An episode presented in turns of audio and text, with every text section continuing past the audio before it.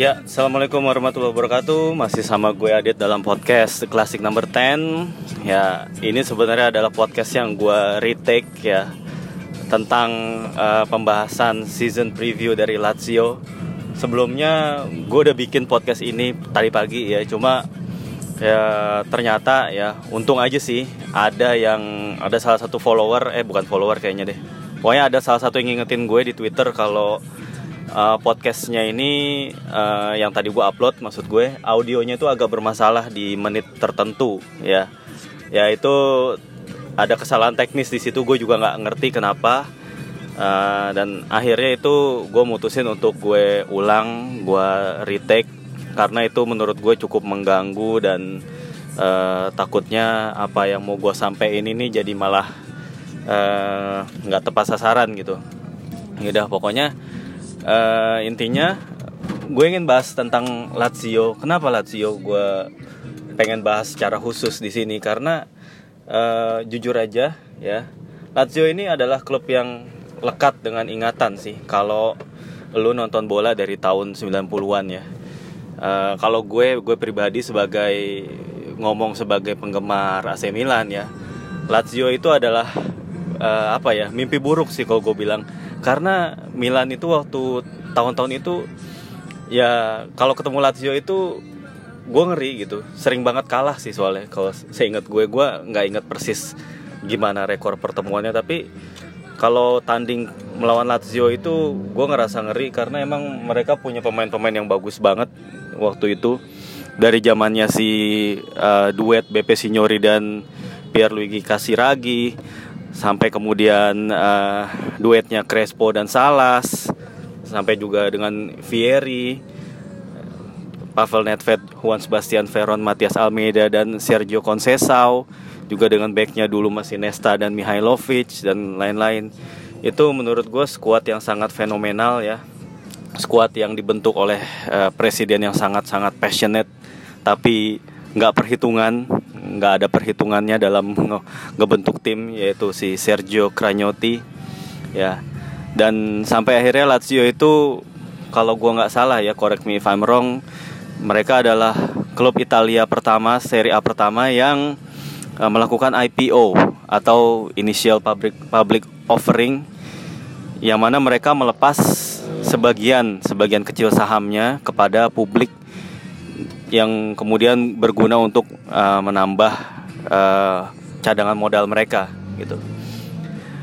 Tapi kemudian ya sebagaimana kita kita tahu Sergio Cragnotti itu kan seorang pemilik yang benar-benar kayak pemilik kayak startup zaman sekarang gitu, bakar duit gitu ya artinya dia tuh uh, menjadi pemilik itu emang benar-benar ingin menyaingi hegemoni presiden-presiden klub yang ada pada saat itu yaitu seperti keluarga Agnelli, keluarga Berlusconi, keluarga Moratti, hingga rivalnya keluarga Sensi gitu. Akhirnya ya dia melakukan hal-hal tersebut lah gitu yang sampai kemudian bikin uh, kondisi finansial klubnya itu nggak sehat, uh, banyak utang ya sebagaimana kita tahu apalagi zaman dulu ya uh, pemasukan dari sektor TV dan juga sektor komersial itu masih sedikit banget buat klub sementara biaya transfer pemain dan biaya gaji itu udah gede dari dulu gitu loh.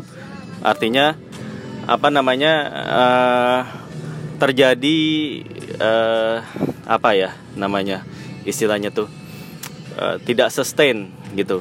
Uh, bagaimana klub ini bisa hidup tanpa suntikan dana dari si pemilik? Dia nggak bisa hidup sendiri ini klubnya gitu. Hingga kemudian klub ini bangkrut uh, harga sahamnya pun uh, terjun bebas ya. Dari semula dibuka dengan harga 50 euro per lembarnya hingga kemudian jatuh sampai ke 1,5 euro per lembar. Dan itu for your info juga itu ham, hingga saat ini harga saham itu nggak pernah mengalami rebound atau balik lagi ya. Sahamnya itu sekarang masih berkisar di 1,75 dan sekitarnya lah segituan itu saya ingat gue ya ketika baca apa namanya bagaimana histori pergerakan sahamnya Lazio itu sekitar minggu lalu lah. Tapi gue nggak nggak update lagi sekarang. Uh, by the way harga sahamnya itu menurut gue uh, ketika dia turun terjun bebas sejauh itu dan belum kembali lagi hingga ke saat pertama kali mereka eh, IPO itu nggak ada korelasinya dengan kondisi klub sekarang. Maksudnya gini jadi walaupun harga sahamnya itu masih kayak masih rendah dan nggak mungkin nggak akan pernah bisa lagi mencapai level pada saat pertama kali mereka diluncurkan gitu di issue tapi bukan berarti kondisi klubnya itu uh, berantakan atau uh, insolvency atau bangkrut kayak gitu. Tapi justru sekarang ya Lazio ini uh, dari tahun 2004 2003 apa 2004 gitu hingga sekarang Lazio adalah salah satu klub Italia yang sehat secara keuangan senantiasa mengukir uh, profit lalu kemudian uh, beroperasi dengan sustain uh, tanpa terlalu mengandalkan kekayaan dari si pemilik. Nah, pemilik barunya ini namanya Claudio Lotito, udah pada tahu. Dia tuh ngebeli Lazio itu sejak apa si Sergio Cragnotti bersama perusahaan Cirio-nya itu bangkrut. Akhirnya Claudio Lotito mengambil alih dan kemudian hingga sekarang dia menjadikan Lazio sebagai salah satu klub papan atas walaupun tidak didukung oleh uh, kebijakan belanja yang jor-joran seperti era Cragnotti dulu gitu uh, pas awal-awal Cragnotti ngambil alih Lazio emang sih nggak nggak langsung kayak sekarang gitu itu terjadi masa-masa mediocre beberapa mungkin selama hampir satu dekade kali ya tapi itu kan emang konsekuensi ya di mana kalau sebuah klub itu pernah terjatuh terlalu dalam, gua rasa untuk bangkit itu membutuhkan waktu. Uh, Juventus pun mengalami hal yang serupa dan ini nggak berbeda dengan Lazio. Nah Lazio ini butuh sekitar ya itu tadi satu dekade untuk bisa ngebalikin lagi performa mereka hingga bersaing ke papan atas. Tapi itu pun dengan cara yang berbeda seperti uh, pengelolaan waktu zaman Cragnotti. Uh, tadi sempat gue singgung uh, Lotito ini malah cenderung presiden yang bisa dibilang pelit atau ngirit atau ya gimana ya? Mungkin supporter juga gua rasa sih gua nggak tahu sih ya gimana Laziale memandang Lotito. Gua rasa sih ada yang pro tapi ada juga yang kontra gitu. Ada yang pengen Lazio itu kayak zaman dulu 90-an selalu uh, menggebrak bursa transfer dan kemudian bersaing memperebutkan Scudetto ya. Tapi ada juga yang mungkin senang dengan kondisi yang sekarang ya tetap stabil di papan atas walaupun dengan pemain-pemain yang nggak begitu terkenal ya dan juga nggak bisa masih belum bisa menyaingi Juventus untuk uh, memperebutkan gelar Scudetto ya. Ya tapi apa pun itu emang uh, gue sih salut juga dengan kepemimpinan Lotito ya. Apalagi dia bersaing di antara ibaratnya kepungan dari raksasa-raksasa di Italia yang masih sekarang tuh masih jor-joran tapi dia masih tetap dengan gayanya yang sekarang. Uh, tapi sejak masuknya Simone Inzaghi kurang lebih empat atau lima musim lalu gitu ya dan ketika dia ngegantiin uh, Vladimir Petkovic itu Lazio itu mengalami kestabilan yang sangat-sangat luar biasa sih kalau gue bilang. Mereka itu termasuk klub yang hampir dalam setiap musimnya kehilangan pemain kunci akibat uh, dijual. Uh, tapi itu nggak mengganggu stabilitas dari skuad, nggak mengganggu prestasi dari tim ya, yang mana mereka masih tetap stabil.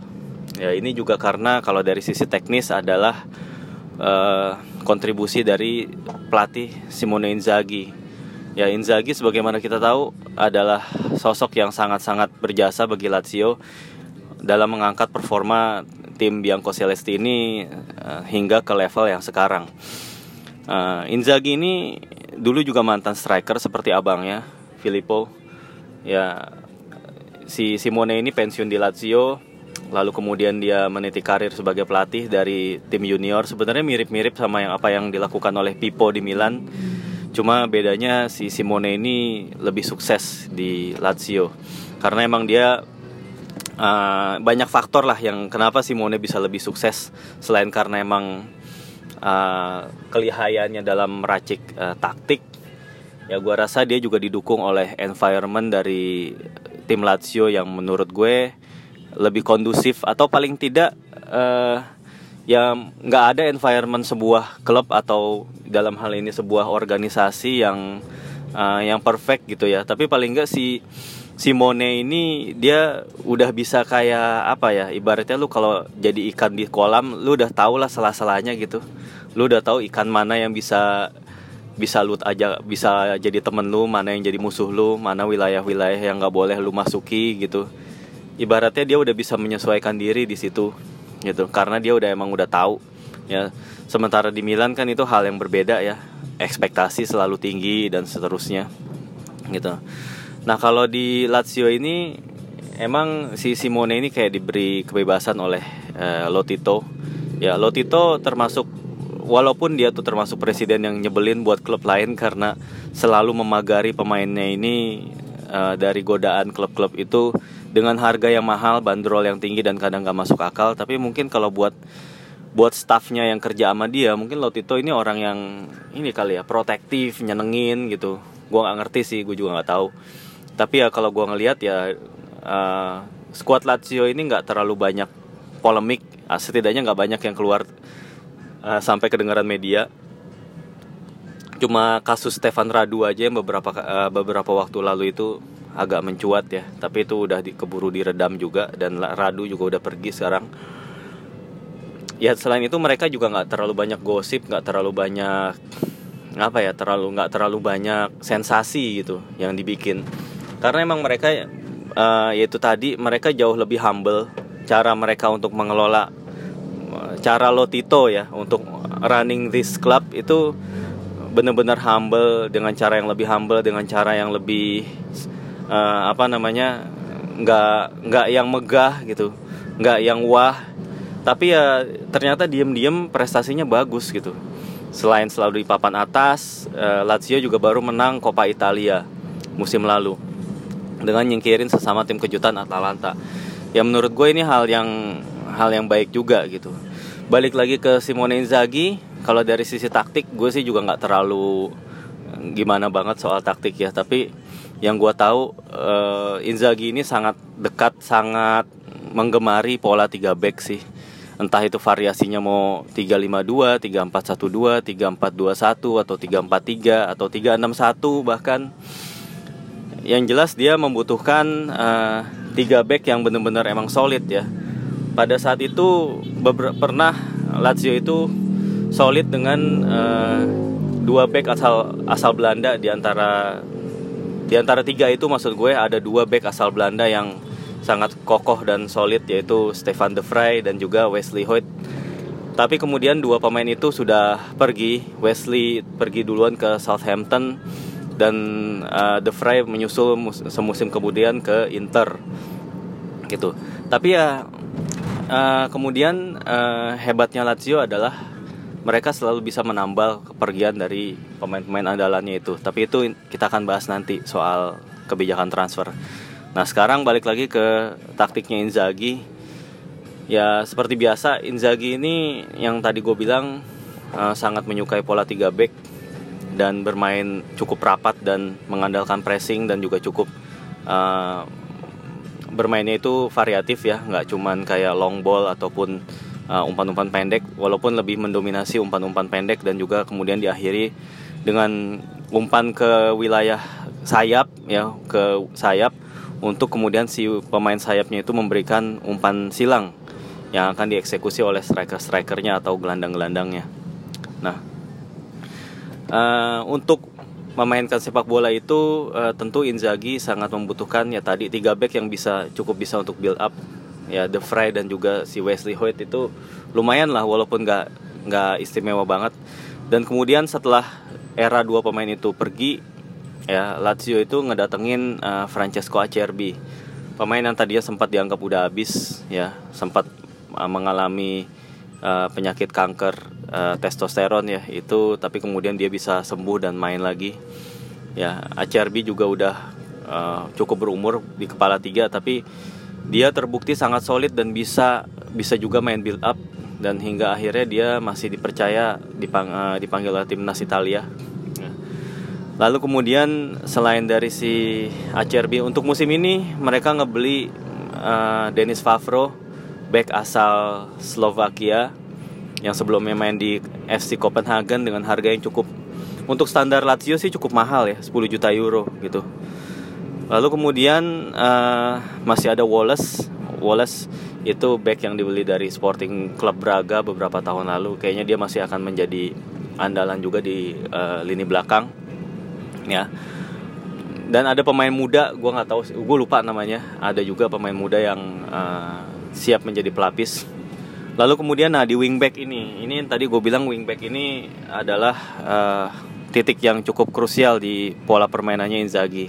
Karena emang ya tadi sangat mengandalkan umpan-umpan silang yang dilepaskan oleh si dua wingback ini. Dan selama ini si Inzaghi ini uh, punya Senat Lulic yang sangat-sangat reliable ya. Dia pernah jadi pahlawan di saat Lazio menangin Coppa Italia beberapa musim lalu. Dan hingga musim lalu pun perannya si Lulic itu masih sangat vital di skemanya Inzaghi dan selain itu dia juga kapten kesebelasan ya. Uh, lalu kemudian di sisi kanan ada Adam Marusic Uh, dan juga uh, siapa ya sebelumnya tuh dia dilapis sama si Dusan Basta tapi si Basta itu sekarang udah pergi kontraknya habis dan gak diperpanjang ya dan kemarin Lazio tuh cukup sering memakai uh, Patrick ya back asal Spanyol yang alumni La Masia. Tapi menurut gue biasa banget lah si Patrick itu kayak kalau apalagi kalau jadi wingback kayaknya kurang greget gitu. Nah si Lotito ini dengan juga dan juga uh, Iglitare sebagai sporting director ini cerdik banget. Dia dia ngebeli Manuel Lazzari ya wingback dan juga sekaligus mesin asis yang sebelumnya main di Spal. Itu mesin asis dibilang mesin asis karena emang dia uh, penghasil asis terbanyak di Serie A kemarin musim lalu.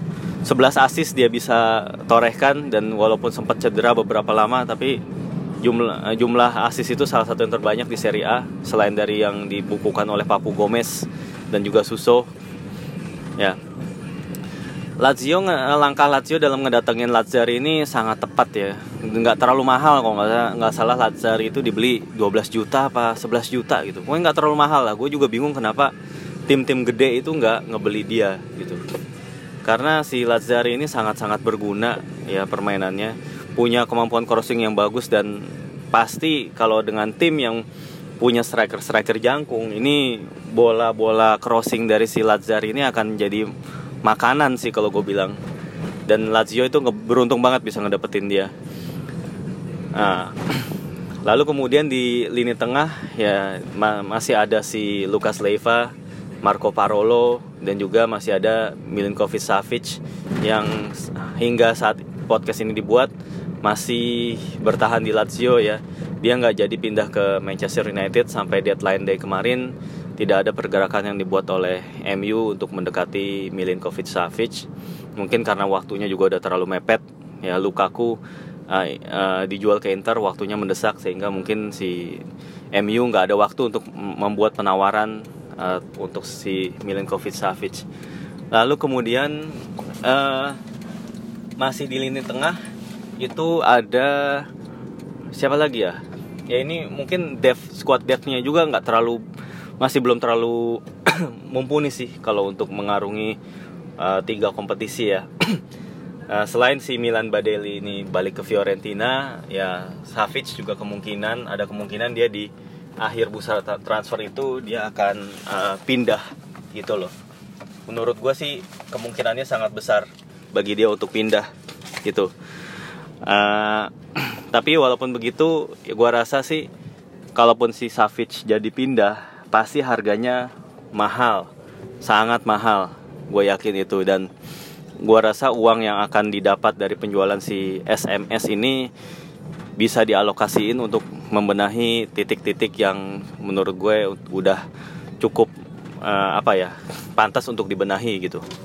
Nah, lalu kemudian balik ke gelandang serang selain Milinkovic Savic di situ masih ada Luis Alberto. Menurut gue sih si Alberto masih oke okay lah ya, masih uh, bisa diandelin lah paling nggak uh, beberapa musim ke depan gitu. Silakan masuk. Dan apa namanya sih kalau gue bilang uh, Luis Alberto ini bersama dengan Lucas Leiva ini adalah bukti dari kejeniusan seorang Iglitare dalam melihat potensi dari timnya dari maksud gue potensi untuk pemain-pemainnya uh, dua-duanya bisa dibilang nggak kepake di Liverpool tapi kemudian ketika uh, pindah ke Lazio mereka menjadi pemain yang penting dan uh, Lucas Leiva sempat jadi pemain terbaik dan si Luis Alberto hingga saat ini masih jadi kunci dari uh, kreativitas Lazio gitu ya. Lalu di lini depan sama sekali nggak masalah, masih ada Ciro Immobile dan Joaquin Korea dan masih ada juga uh, Felipe Caicedo ya menurut gue itu udah cukup lah depth di, di lini depan. Lalu kemudian bagaimana dengan uh, transfer? Ya, seperti kita tahu tadi sempat gue singgung Lazio ini kebijakan transfernya sangat baik ya. Iglitare ini punya kemampuan membeli pemain yang berharga murah ya tapi dia tidak terpaku uh, pada region atau uh, dari wilayah mana dia tuh datang dan Iglitare ini juga nggak terpaku sama usia nggak ter nggak terpaku dari asal usul pemain pokoknya kalau emang pemain ini cocok buat Lazio ya udah gitu menurut gue dia agak-agak mirip dengan si Gianluca Petracchi uh, mantan sporting director uh, Torino yang sekarang justru bekerja di AS Roma. Ya. Lalu kemudian ada apa ya? Kalau musim ini selain dia si uh, ngedatengin si Dennis Favro, nama-nama lain itu uh, dan juga si Lazar ya, itu nggak ada yang relatif dikenal nama-namanya. Ada Bobby Adekanye, uh, penyerang Liverpool under 23 lalu kemudian siapa lagi ya? Itu malah gue nggak sama sekali nggak tahu banyak lah gitu. Nggak tahu banyak. Ya ini menurut gue sama bener-bener nunjukin cirinya Lazio ya mempertahankan ciri khasnya Lazio yang ngedatengin pemain nggak dikenal tapi kemudian dia bisa sukses gitu ya ini sih akan menurut gue nggak perlu diragukan lagi. Lazio akan terus bersaing ya karena uh, musim lalu mereka juara Coppa Italia. Gua rasa ini bisa jadi bolster bagi mereka mentality mereka untuk uh, aim to the higher place gitu ya di klasemen. Ya gua rasa mereka berpeluang untuk mengakhiri musim di memperebutkan posisi empat besar gitu bersama Roma dan Milan dan juga Atalanta.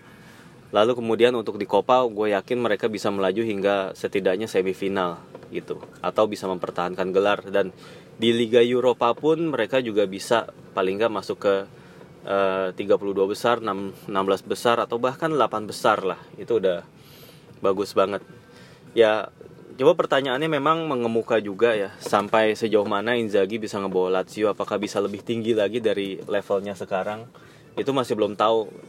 Ya tentunya kalau kayak gitu uh, Lotito harus lebih berani menginvest, berani rugi lah ibaratnya kalau di mana mana kalau lu pengen tim lu bagus ya lu harus berani keluar duit gitu.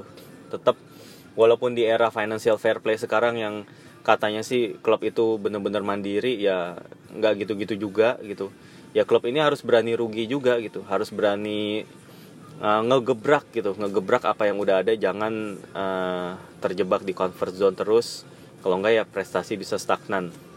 Ya, walaupun kalau untuk di levelnya Lazio sendiri stagnannya sekarang ini stagnan untuk di tempat yang baik gitu, tempat yang bagus. Tapi ya entah sampai kapan mereka terus bisa menahan apa si Simone Inzaghi dan Iglitare dalam klub. Karena dua pemain eh sorry dua orang inilah yang menjadi figur kunci sih kalau gue bilang. Kalau salah satunya itu pergi, gue rasa Lotito akan kesulitan. Lazio bisa bisa aja mengalami kemunduran sih kalau gue bilang. Kalau dua dua figur kunci ini pergi gitu. Ya udah sih paling uh, kurang lebih itu aja sih ulasan gue tentang uh, Lazio ya. Ya tim yang emang secara scouting sangat bagus nggak terpaku umur nggak terpaku dari klub mana dari apa namanya uh, apakah pemain ini secara statistik bagus apa enggak. Kalau emang dianggap cocok ya akan dibeli gitu. Ya kurang lebih gitu aja lah ya. Uh, mohon maaf kalau ada kesalahan atau kekurangan. Wassalamualaikum warahmatullahi wabarakatuh.